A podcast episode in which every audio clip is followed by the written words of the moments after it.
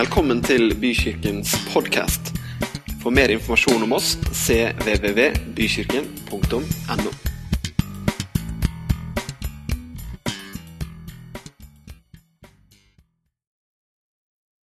89, og så kan vi be en bønn for det som skal deles her i dag. Jeg takker deg, Herre, for at eh, du er midt iblant oss også denne formiddagen. Takker deg for at du er her for å møte oss. Det er du alltid. Og Herre, hjelp oss å åpne oss, så vi kan også komme deg i møte, Herre. Så jeg om at de orda som du har lagt ned i mitt hjerte, skal møte noen her i dag og gjøre forandring i livet. Det ber jeg om for Jesu navn. Amen. Ja, jeg har sett fram til å komme og dele litt i formiddag. Det er jo ikke så ofte, så det er veldig stas. Jeg hadde egentlig eh, jeg har visst om den datoen her lenge, så jeg hadde egentlig tenkt å dele noe helt annet enn det jeg nå skal dele. Jeg hadde tenkt å snakke om uh, finnes det sannhet. Det hadde jeg lyst til å snakke om. Men her i, eh, for en uke siden cirka, så følte jeg at det var noe inni, som, inni meg som hviska at jeg skulle snakke om noe helt annet. Og da skal jeg gjøre det. Og da er jeg litt sånn frimodig og tenker det at jeg tror det jeg skal snakke om i dag, kanskje treffer noen i denne salen i formiddag på en spesiell måte. Headingen for det jeg skal snakke om, det er 'tro gjennom alt'. Og Det handler da ikke om at du skal være trofast gjennom alt, men det handler om troen vår. Hvordan er det med den? Å ha med seg den gjennom alt i livet. Og Jeg skal ta og lese ett bibelvers i starten eller et par bibelvers fra Forkynnerens bok, kapittel 3, og vers 1-3. Og det er veldig kjente vers. Og Du kan bare høre. Det er Salomo som skrev Forkynneren, og han skriver i dette kapittelet Alt har sin tid. Det er en tid for alt som skjer under himmelen. Det er én tid for å fødes, én tid for å dø, én tid for å plante, én tid for å rykke opp. Og så skriver Salmo videre ned. Det er en tid til å bygge opp, det er en tid for å rive ned osv. Men poenget i denne teksten som Salmo skriver, det er masse visdom i det. Det er en tid for alt. Og det teksten lærer oss, og det Salmo ville si noe om, og som Gud vil lære oss gjennom det, det er det at det er ulike tider i våre liv. Men jeg tror ofte vi ikke er så flinke til å innse det eller å kjenne det igjen når det skjer. Noen har sagt om livet at det eneste som vi med sikkerhet vet er konstant, det er endring. Endring er konstant i dette livet som vi lever. Nå lever jo vi i en moderne tid hvor det er utrolig mange endringer som, som, skjer, så kanskje vi er mer vant til endringer enn generasjonene som levde før oss. Men når vi tenker på forandring, så er det veldig lett at vi tenker på det som er rundt oss. Veldig mange ganger så tror jeg ikke jeg vi er klar over at også vi forandrer oss gjennom livet. Vi tenker kanskje lett på at tidene forandrer seg, motene skifter, det som var inn i går, det er ut i dag, osv. At det bygges veier, det rives veier, byer forandres, ting ser annerledes ut rundt oss. Og så tenker vi noen ganger litt sånn ubevisst, tror jeg, på at Men jeg er jo den samme. ikke sant? Jeg vet ikke om du kan kjenne igjen det? Men forandringer skjer hele tida, ikke bare rundt oss. Altså det er jo Mine besteforeldre husker jeg snakka med dem om endringer. Jeg var så imponert over bestefar, da, som var den eldste av dem, som var født i 1909. Og Han hadde jo opplevd, altså det første, han fikk jo lappen, eller lappen han betalte tror jeg, 50 kroner på politistasjonen. så kunne, nå kan du kjøre bil. Han kjørte jo T-Ford. Ikke sant? Han opplevde at bilene kom. De opplevde å få elektrisitet i husene sine. altså Lyspæra, telefoner, radio, TV. At folk begynte å reise med fly. ikke sant? Altså, det var en revolusjon. Jeg tenkte, Tenk så mye han har opplevd av endringer. Og jeg tenkte da, husker jeg da i tenårene jeg om at Og nå er jo alt funnet opp. Nå er det liksom ikke noe mer å finne opp lenger. Altså, Bilene er funnet opp, og TV er funnet opp. Hva er det mer å finne opp nå, liksom? Jeg vet ikke om du har tenkt den tanken. Jeg tror jeg tenkte cirka sånn at jeg kommer ikke til å oppleve noe nytt. Jeg har kanskje ikke opplevd så mye nytt som han, men Internett har jo jeg opplevd, og det syns gutta mine er veldig rart. At det ikke var Internett når jeg var liten. Og jeg syns fortsatt det er en sånn positiv overraskelse hvis det er wifi. Jeg kommer et sted, og det er wifi. Og så tenker jeg, Det var en positiv overraskelse. Men ungene mine de tenker jo at det er wifi overalt. I hele verden er du wifi. Så når det ikke er wifi, så er det Hæ? Er det ikke wifi her? Er det ikke Internett her, liksom? Altså, Det er jo merkelig for dem. Så sier jeg det er jo en annen generasjon, da, kan du si. Eh, Jeg har opplevd elbiler, da. Hudkrem som lover at du blir 20 år yngre hvis du bruker en, boks og en boks til. ikke sant? Og Jeg har aldri slutta. Jeg har sagt det før en gang. husker jeg, men jeg la merke til for 20 år siden at det stadig kom ny sjampo som sa nå 10% mer volum, 10% mer volum. Nå enda mer volum. Og, jeg- og det har jo ikke stoppa. De sier jo det enda. Så når du regner deg tilbake, da, hvor mange prosent mer volum sjampoen fra L'Oreal skal gi håret ditt, så er det jo oppe i ca. 150% mer volum. Så alle skulle egentlig sett ut som Michael Jackson før han begynte med, med rettetang og, og liksom hvit sveis. Men ting endrer seg. Vi blir eldre, rynkene kommer, knærne svikter. Og vi oppfatter det rundt oss. Men noen ganger så tror jeg at vi glemmer at vi endrer oss også på innsida. Og jeg tenker at noe av de endringene jeg har lyst til å snakke litt om, er hva vi er opptatt av. Og jeg kommer litt da tilbake til livet vårt med Gud. For det er helt klart at vi kan bli Har du lagt merke til det gjennom livet? Hvis du har levd litt, du bør ikke være så gammel heller, så er det kanskje perioder hvor du er utrolig opptatt av noe. Hvor du har gått veldig opp i noe som bare har engasjert deg 110 Hvor du har tenkt at 'dette kommer jeg aldri til å bli lei av'. Er noen som kjenner seg igjen i det? Og så plutselig blir det borte. Når jeg var ung, så hadde jeg veldig lyst på båt. Fra jeg var veldig ung hadde jeg veldig lyst på båt. Alle kameratene mine hadde båt, men jeg hadde ikke båt. Jeg sa jeg skal ha båt, og jeg skal ha båt med kahytt. For da kan du liksom sove over og sånn. Så det var fra jeg var liksom 12 år eller noe, sånt, skulle jeg båt med kahytt. Så når jeg var 18-19 år, så skulle jeg kjøpe båt. Men jeg hadde ikke så mye penger, da. Så det som var billig, var selvfølgelig trebåt. Så da kjøpte jeg en trebåt. Og når du har kjøpt noen ting, da må du forsvare at du har det. ikke sant? At det her er det beste og sånn. I hvert fall når du er 18-19 år, så må du gjerne gjøre det. Så jeg ble liksom trebåt er best, og plast er tuppevar, og liksom kan kjøre det. Og trebåt er det ordentlige sakene, ikke sant? Og her er det kystkultur, og her er det masse fint, ikke sant? Ja. Jeg har til og med stått på talerstolen her og mobba folk som kjører tuppevarebåter offentlig. Ja, ikke sant? Så jeg har, hatt, jeg har hatt flere trebåter. Jeg ble veldig entusiastisk på trebåter. altså. Og jeg har lest opp og ned. Spør meg hvis du kjøper trebåt. Jeg kan det meste om hvordan du skal renovere og sånn. For, når vi var sånn, eh, jeg har vært gift noen år, så kjøpte jeg en svær trebåt, en 30 fots Onsøykrysser, som var et bra utgangspunkt. Det var mye jobb på den. Og jeg har en svakhet. Og det er hvis jeg først skal fikse litt, så tar jeg av, vet du. Og nå ble den fin. Og da ble jo den så stygg ved siden av. Da må jeg ta den òg. Og da må jeg jo ta den òg. Og da må jeg ordne det. Så jeg jobba jo som en gal med denne trebåten og sa til Katrin det her blir så bra. Denne er familiebåten vår. Denne skal vi ha i alle år. Ungene skal få vokse opp på sjøen, og det er helt fantastisk. Det her blir liksom Ja! Og en eh, vinter, vår, så jobba jeg på all fritid jeg hadde, fra mars til juli med den båten. Og den blei jo utrolig fin. Åh, trebåt. Jeg leste 'Trebåtsakuten'. Vi redder kystkulturen. Jeg solgte den båten her for et par år siden. Jeg var så lei av den båten.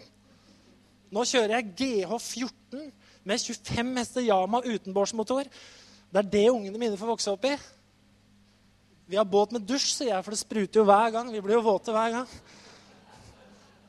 Philip kommer og sa Håkon og de har fått båt med dusj på. de, sa han. Har dusj! Det er vi også. Vi blir våte hver gang vi kjører båt. Men jeg blei utrolig, jeg ble veldig lei av det som jeg hadde vært så opptatt av. Jeg hadde brent så veldig for det her.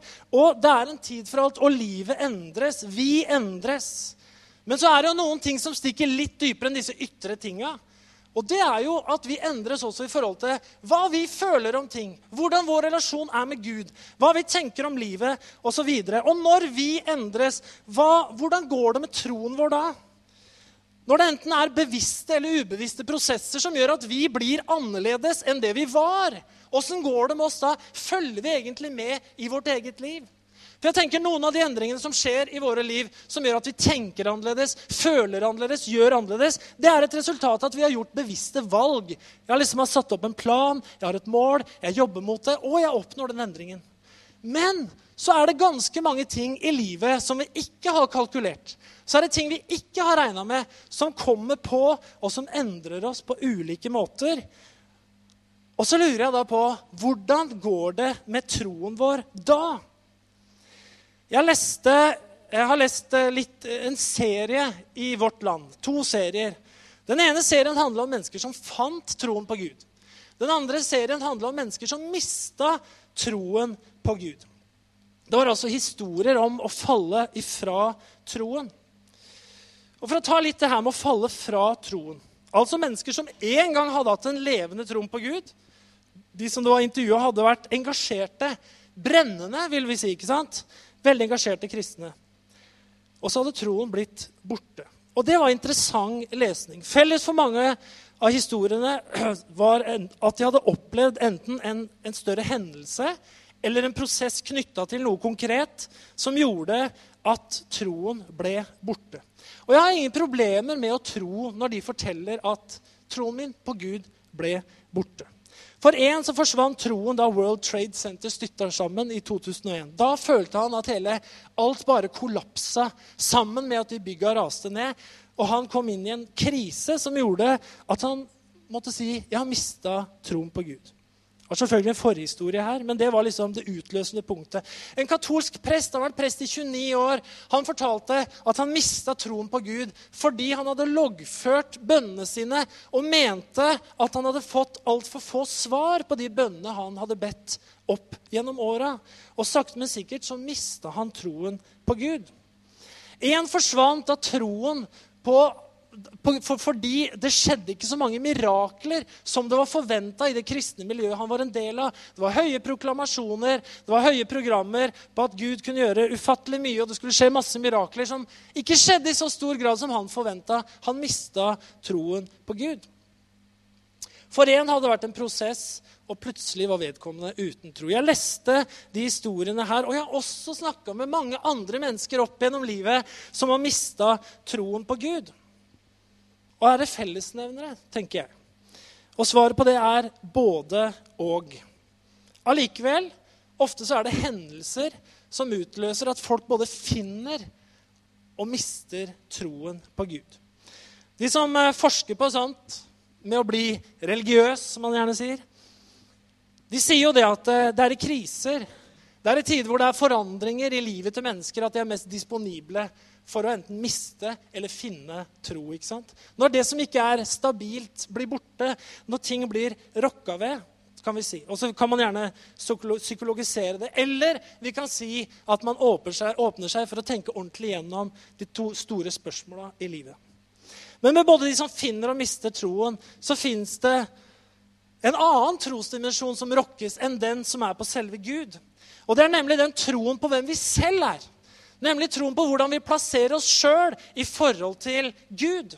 Og Jeg har lyst til å kalle det vårt åndelige selvbilde. For jeg tror vi alle har et åndelig selvbilde. Om du er ateist eller om du er en ivrig kristen, så tror jeg man har en type åndelig selvbilde i forhold til relasjon med Gud. Man kan ha et selvbilde som ateist som en som sier 'jeg tror ikke på Gud fordi sånn og sånn og sånn'. og sånn. Jeg er ateist. Andre sier 'jeg tror på Gud fordi jeg sånn og sånn og sånn'. Og sånn. Og mitt selvbilde og min identitet er at jeg er en kristen osv. Så, videre. så la oss kalle det vårt åndelige selvbilde. Jeg har også lest andre historier i den andre serien om mennesker eller ateister som begynte å tro på Gud. En tidligere ateist som heter Devin Rose innså en dag hva hans ateistiske verdensbilde innebar. og Han skriver og sier konsekvensen av min ateistiske tro er at det ikke er noe håp. Det er bare tomhet, skriver han. Han ble deprimert og kom til et ultimatum. Enten må jeg ta livet mitt, eller så må jeg prøve å tro på Gud. Han fant Gud. Han fant troen og ble en ivrig kristen. Ting rundt oss nå er det veldig dramatisk. Enten må jeg ta livet mitt, eller så må jeg prøve å tro på Gud. Han må jo ha vært en ganske sånn dyp eksistensiell krise. Men ting som skjer med oss, påvirker, kan påvirke troen vår på Gud. Til morgenen i dag fikk vi Katrin en telefon fra et menneske som ingen av dere kjenner her, som, eh, så, og så videre, som, eh, som er en gammel bekjent. Hun ringte for å fortelle at i går vant vi 4,7 millioner på Lotto. Seriøst. Vi bare Gratulerer. Jeg må bare ringe og fortelle det til noen. Det, klart det. det forandrer jo mange ting, altså. Tenker jeg. Det har i hvert fall forandra en del ting for meg, tror jeg. Jeg vet jo ikke om de har bedt til Gud om å hjelpe dem med økonomien. og sånn. Hvis de har gjort det, og de vant 4,7 millioner i Lotto, så gjør jo noe med, med troen din. Kanskje. Det åndelige selvbildet vårt. Hva skjer med troen vår når vi forandrer oss? Jeg skal ta et par historier. Jeg skal snakke litt om Peter. Han har dere hørt om før. Om det å svikte Jesus og seg selv og komme tilbake igjen. Peter. Vi har lest masse om han i Bibelen hvis du har vært på søndagsskolen osv. opp igjennom. Peter han var, en, eh, han var jo en ung mann når han slo følge med Jesus. Med alt hva det innebærer. Peter var fisker. Han var eh, en ung, sprek mann med masse tæl og masse mot.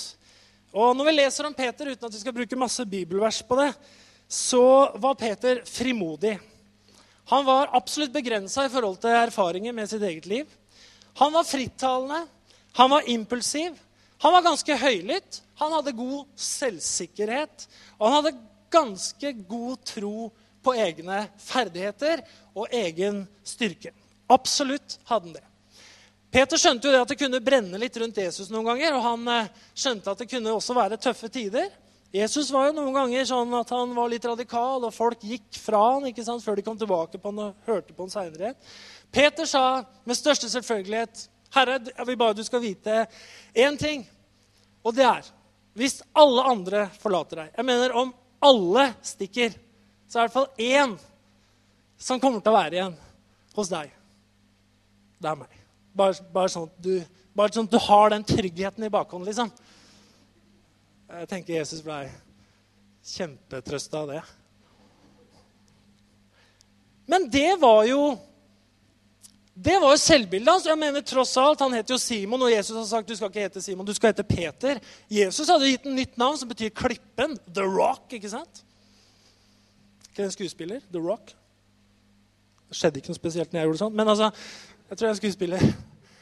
Så han hadde jo fått det navnet her, The Rock, av Jesus. Så Peter var jo der. Jeg er klippen. Jeg er han som ikke gir seg. Jeg er han som bare er der uansett hva som skjer. I'm the man. I'm the coming man. Så Peters selvbilde var helt klart at han var spesielt utvalgt. At han var sterk, at han var urokkelig.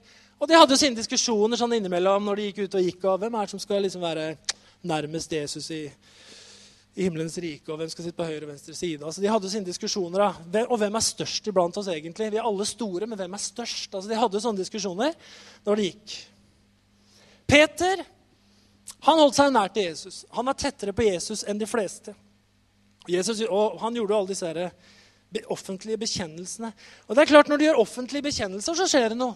Kanskje du har gjort det? Gjort offentlige bekjennelser på hva du skal være i troen, hva du skal være for Gud, osv. osv. Vi kjenner jo historien om Peter. Peter han kommer under press på slutten av Jesu tid her nede. Getsemane. Og når Peter møter presset Han skjønner at Jesus han er i ferd med å bli tatt bort.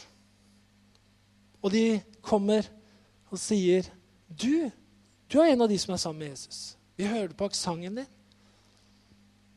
Og du hva som skjedde? Peter han eh, nekter han blånekter jo fullstendig. Og ikke bare nekter, han banner på at han absolutt ikke kjenner Jesus. Der endte Peter. Og jeg tenker, Når Peter da går ut, så står det at han gråt bittert. Jeg tenker at Her er ikke bare Jesus Peter har svikta, men også svikta. jeg tror han kjenner at han har svikta seg sjøl. Jeg tror han kjenner at han har svikta det her åndelige selvbildet som han hadde. Det som han hadde proklamert så høyt. Jeg tror at fallhøyden for Peter hadde blitt utrolig stor, utrolig høy.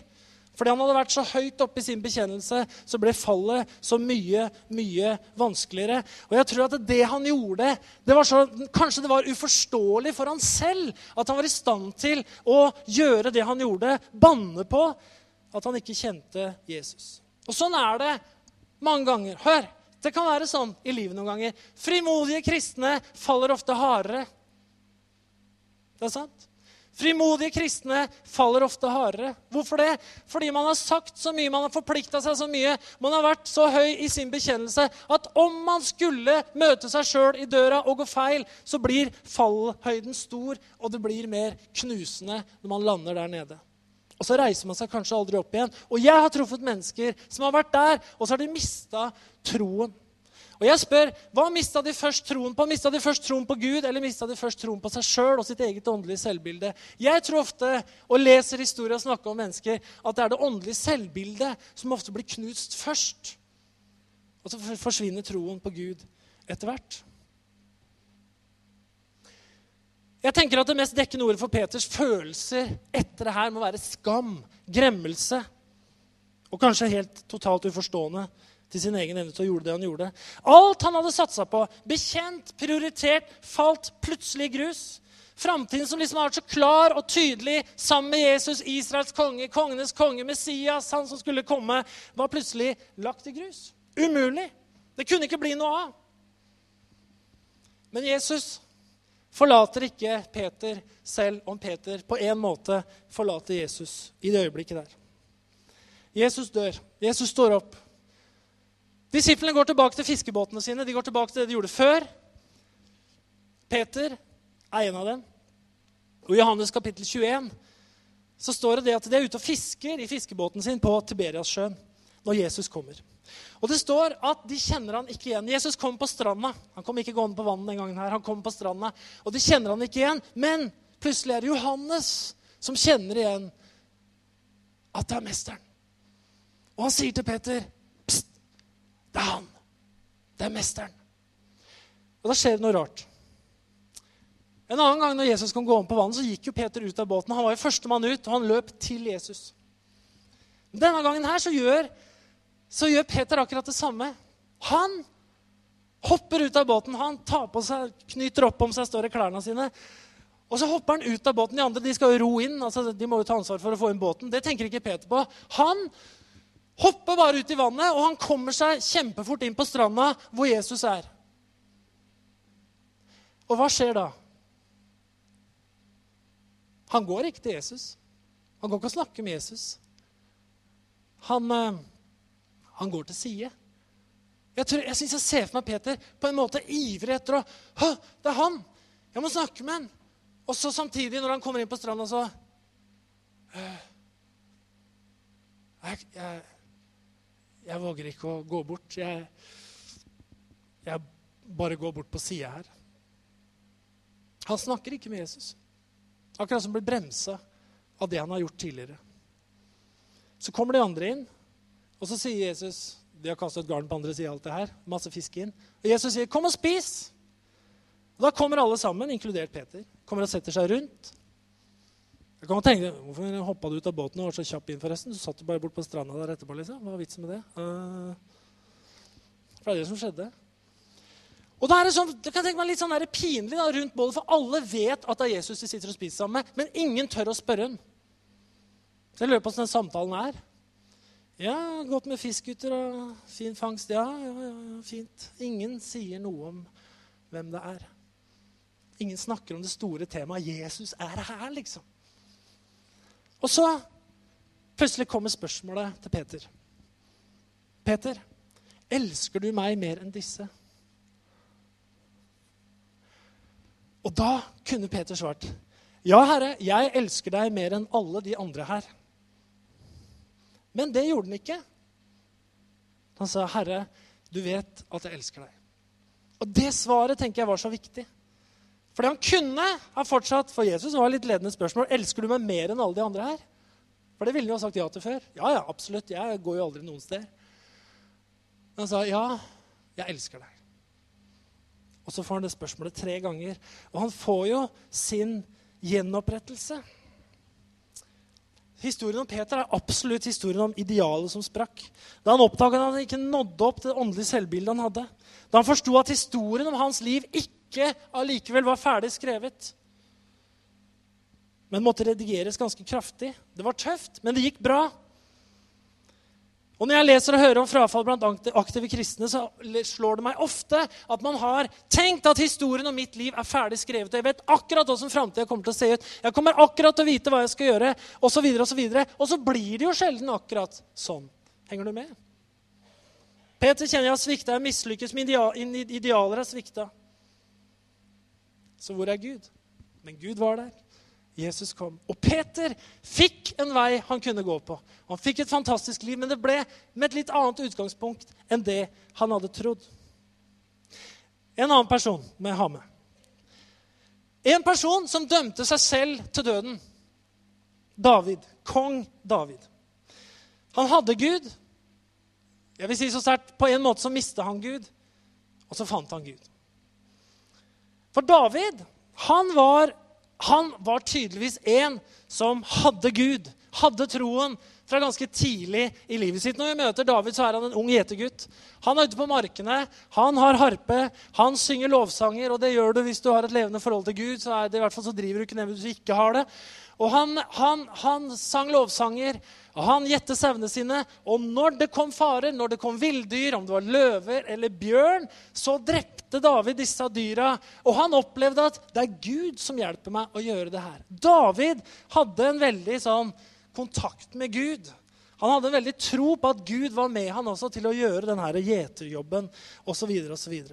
David han får jo plutselig omrokert livet sitt helt vilt på én en eneste dag. Fordi at hans nasjon, Israel, jødene, de er i en situasjon hvor de står overfor fiendefolk. Og blant dem er Goliat. Den historien er jo så kjent at vi bør ikke tale detaljene. Men saken er jo at Goliat står og håner hver eneste dag Israel og Israels gud og alt det her. Og så kommer jo David egentlig for å levere matpakkene til storebrødrene sine når han lurer på hva er det som skjer her egentlig. Hvorfor får han lov å stå sånn hver eneste dag og gjøre dere motløse? Og det hadde de jo ikke noe ordentlig godt svar på, for det var jo ingen som turte å møte Goliat. Men David han var full av tro. Han Han var ung, han var brennende, han trodde på Gud. Han sa, 'Ja, men ingen skal jo få lov til det her.' Så sier han, 'Jeg skal gå og ta den'. Han plukker opp steinene sine, prøver en rustning han allikevel ikke vil prøve, og går ned i gjeterklærne sine, slynga si, steinene sine, og Goliat lurer på, 'Hvem er det her?'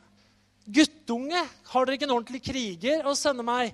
David sier, frimodig som han er, jeg kommer imot deg, Herren Israels Guds navn.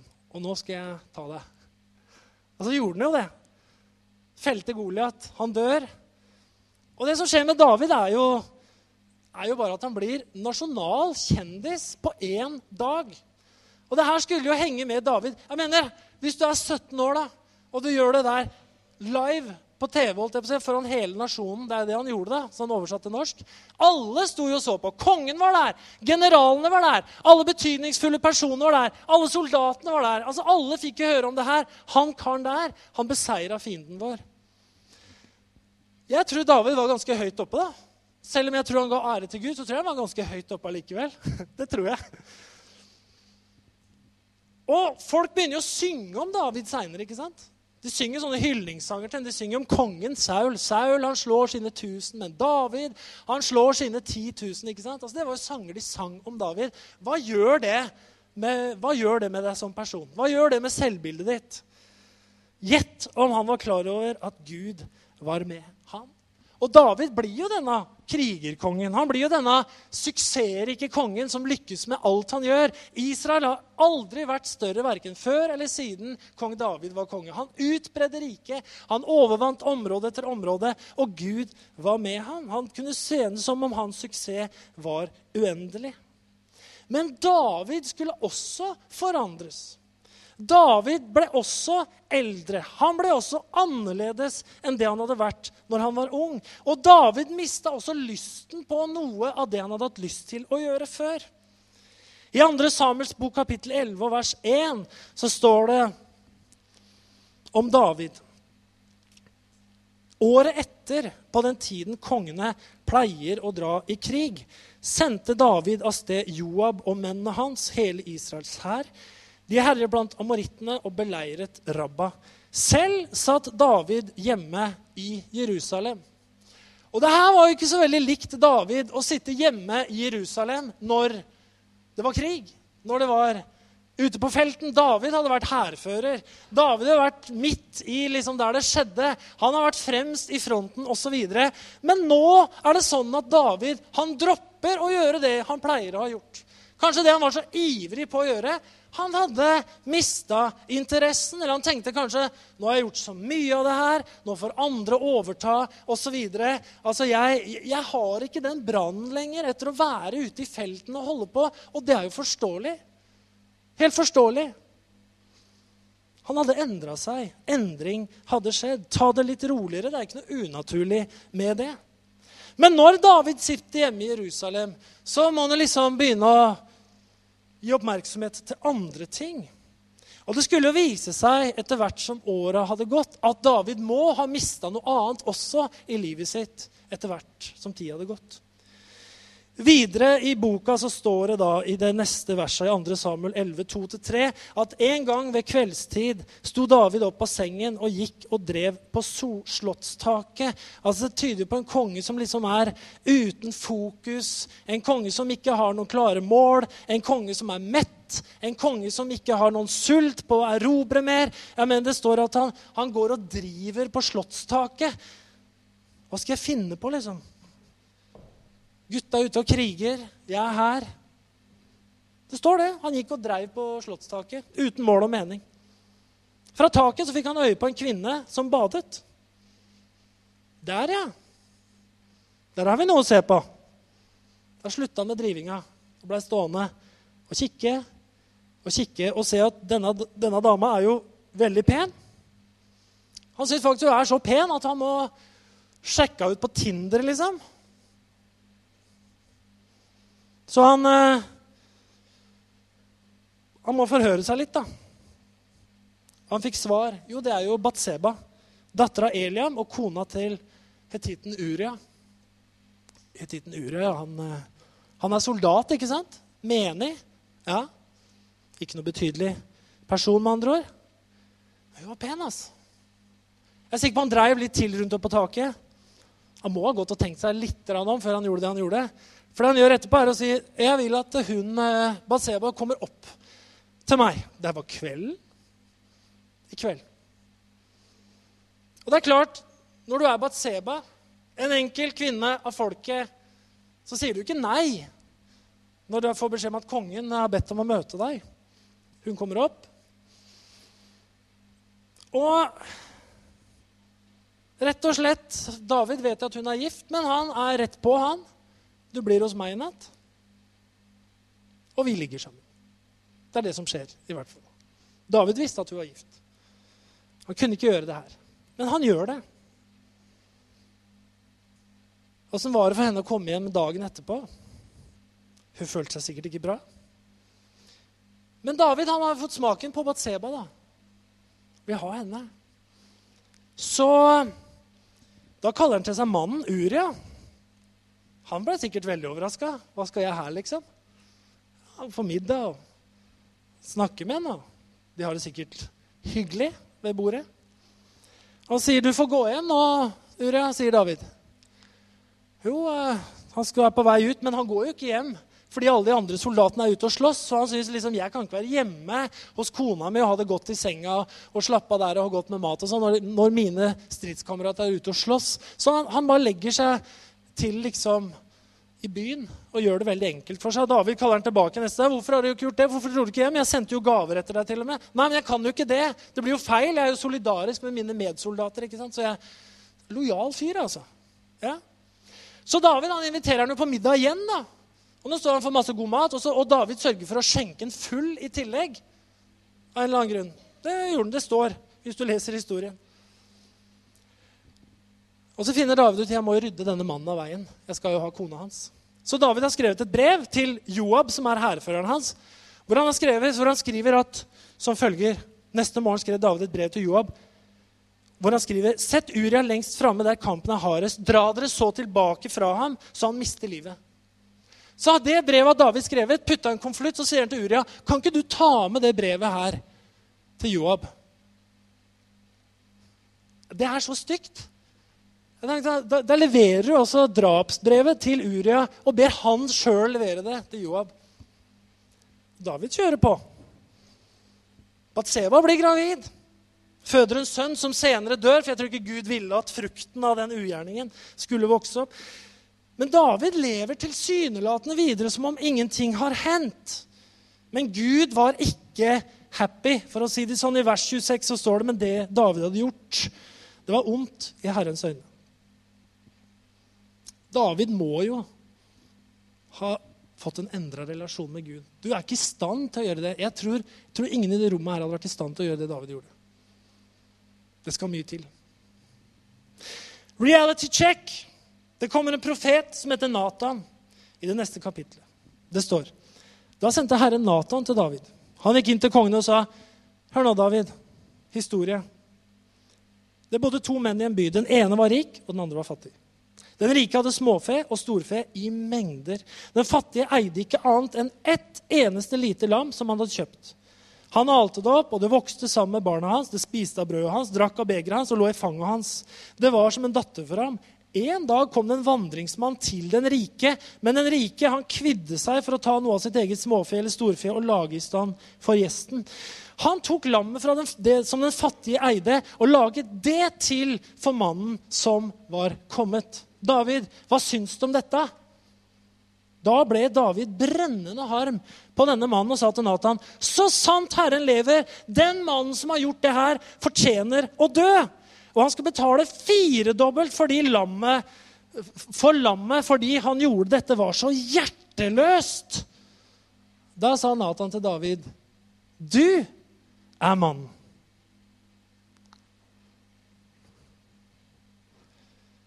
Uh, reality check. Davids åndelige selvbilde fikk han når han var ung. Han trodde på Gud. Gud var med han. Han var krigerkongen. Han hadde suksess. Han gjorde masse bra for Gud. Men David endra seg på innsida.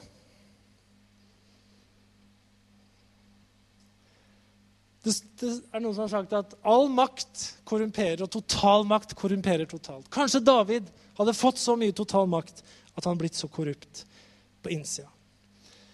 Når han lever, så feller han jo ingen dom over sitt eget liv før han må gjøre det gjennom historien om en annen person, hvor han ser hvor grusomt det her er.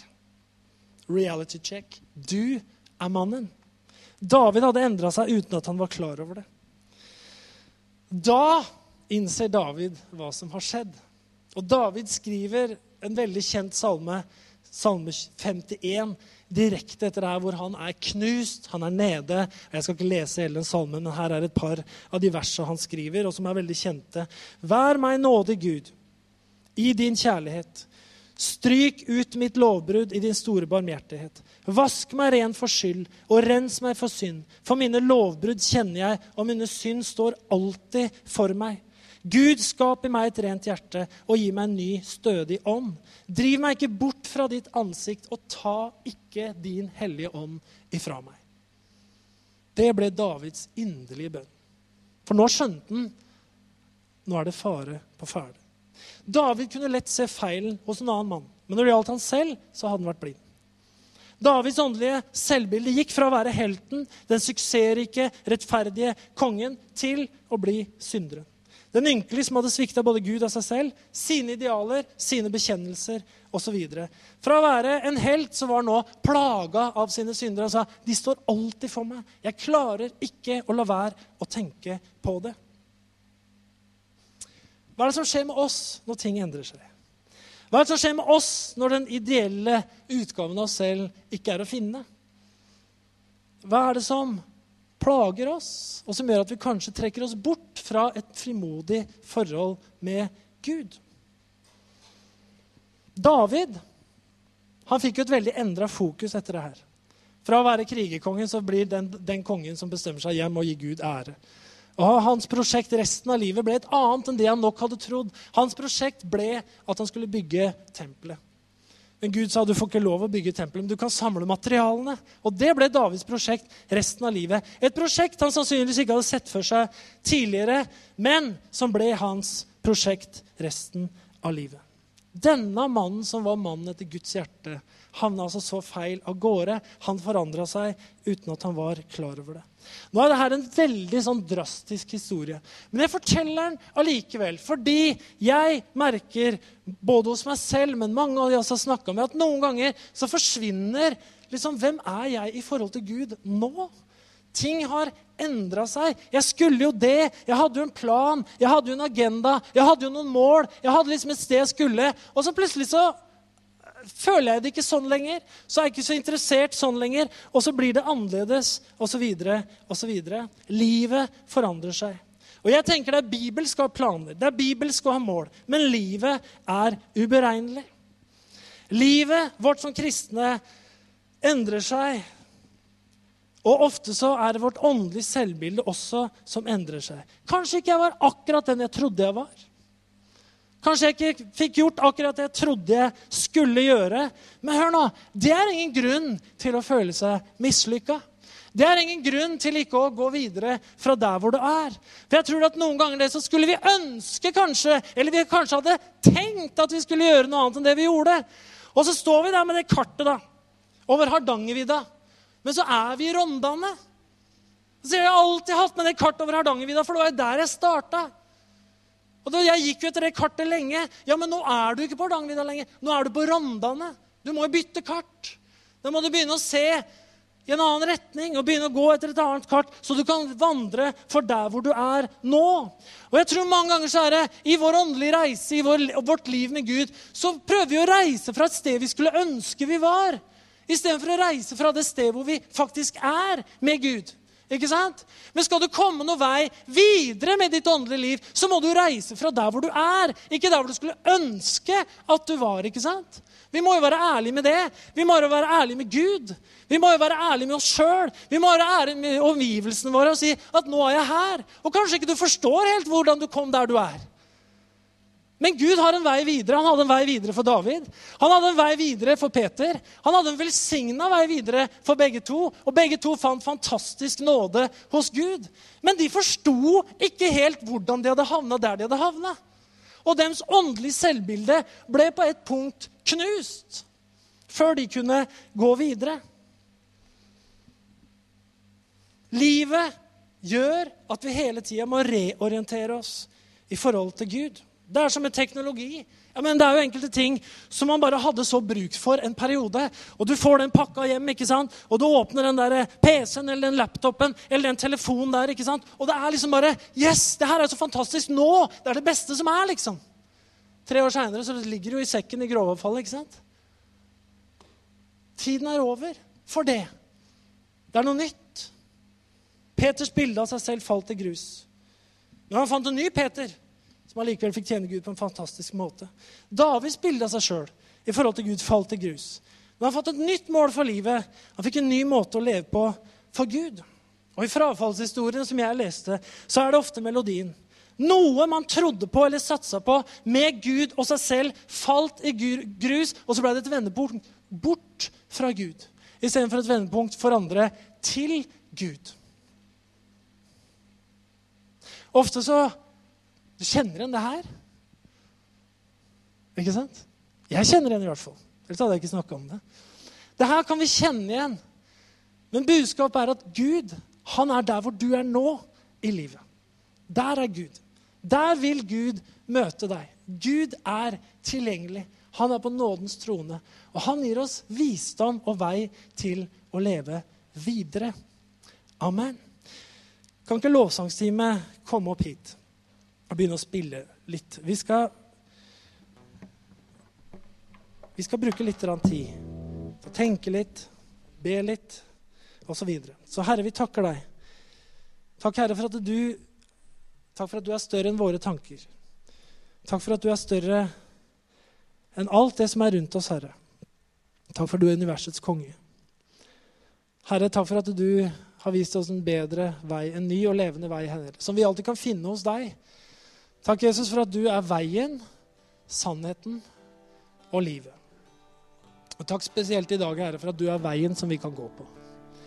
Uansett om veier som vi gikk på, måtte ha stoppa, uansett om veier vi måtte ha valgt, har blitt annerledes enn vi trodde, så kan vi alltid komme til deg, Herre, som lager en ny vei for oss. Jeg takker og priser deg for det, Jesus. Og så takker jeg deg, Herre, for uh, vi som er samla her i dag, med alle våre historier, med alle våre oppturer og nedtur. Med alle våre seiersøyeblikk og alle våre nederlagsøyeblikk. Med vår historie, Herre, som til dels kanskje har blitt som vi tenkte. Som til dels kanskje har blitt ikke som vi tenkte. Kanskje, Herre, at vi må erkjenne for deg at noen av de drømmene vi bar, ikke ble. Mens noe av det vi ikke drømte om, det ble. Og det også var godt, Herre. Så takker jeg deg, Herre, for at du tar imot oss akkurat der vi er i dag, i Jesu mektige navn. Halleluja. Jeg priser deg, Jesus. Tenk litt da. der du sitter. Hvor er jeg i forhold til der jeg trodde jeg skulle være? Med min tro. Og hvordan er det med ditt åndelige selvbilde? Kanskje du er Kanskje du er annerledes enn du syns du burde være. Kanskje du er annerledes, kanskje du føler annerledes enn det du tenker at du burde føle. Men du skal slutte å tenke at du burde, verken det ene eller andre. Det viktige er at du bare kommer der du er, til Gud. Og så vil han skape en uh, vei videre i Jesu navn. Jesu navn. Og kanskje du er kanskje du er her som hvor ditt åndelige selvbilde har vært at 'jeg er ikke spesielt troende'. Jeg vet egentlig ikke hvorfor jeg har havna inn i den kirken her i dag. Kanskje du også har blitt overraska og tenker at Hm, jeg tror faktisk, merker jeg. Det hadde jeg ikke regna med at jeg skulle tro, men uh, mitt åndelige selvbilde er at jeg er sånn passe ikke-troende. Men uh, når jeg tenker meg om, så kjenner jeg etter, så faktisk så tror jeg på Gud. Det er også bra. hvis det Jeg har lyst til å spørre det spørsmålet, så hvis alle lukker øynene bare bitte lite så har jeg lyst til å spørre om du er her hvor ditt åndelige selvbilde har vært at jeg er ikke spesielt kristen. Jeg er ikke spesielt interessert i Gud. Men så merker du at faktisk så er jeg det. Hvis du er her og har lyst til å det ber en bønn for deg om at din trosvandring videre skal vokse, så rekk opp hånda. Gud velsigne deg. Er det flere? Takk, Herre, for du velsigner dem som oppdager troen, Herre, og hjelper dem videre på veien i Jesu navn. Og Herre, så bare takker jeg deg for at du utøser din nåde i formiddag til oss alle, Herre, til å leve et dynamisk levende liv med deg. Akkurat der hvor vi er. Akkurat der hvor vi er, Herre. Og takk for at din nåde dekker over alle våre svakheter. I Jesu mektige navn. Amen. Vi kan reise oss, og så synger vi og lovsynge Herren. Når du lovsynger Herren nå, så gjør det. Takk, Jesus, for at han møter deg akkurat der hvor du er nå. Og be Herren om å gi deg et kart, og ta imot et kart som stemmer med det terrenget du er i, i Jesu navn. Da priser vi Han. Ha vårt fokus på Han. Amen.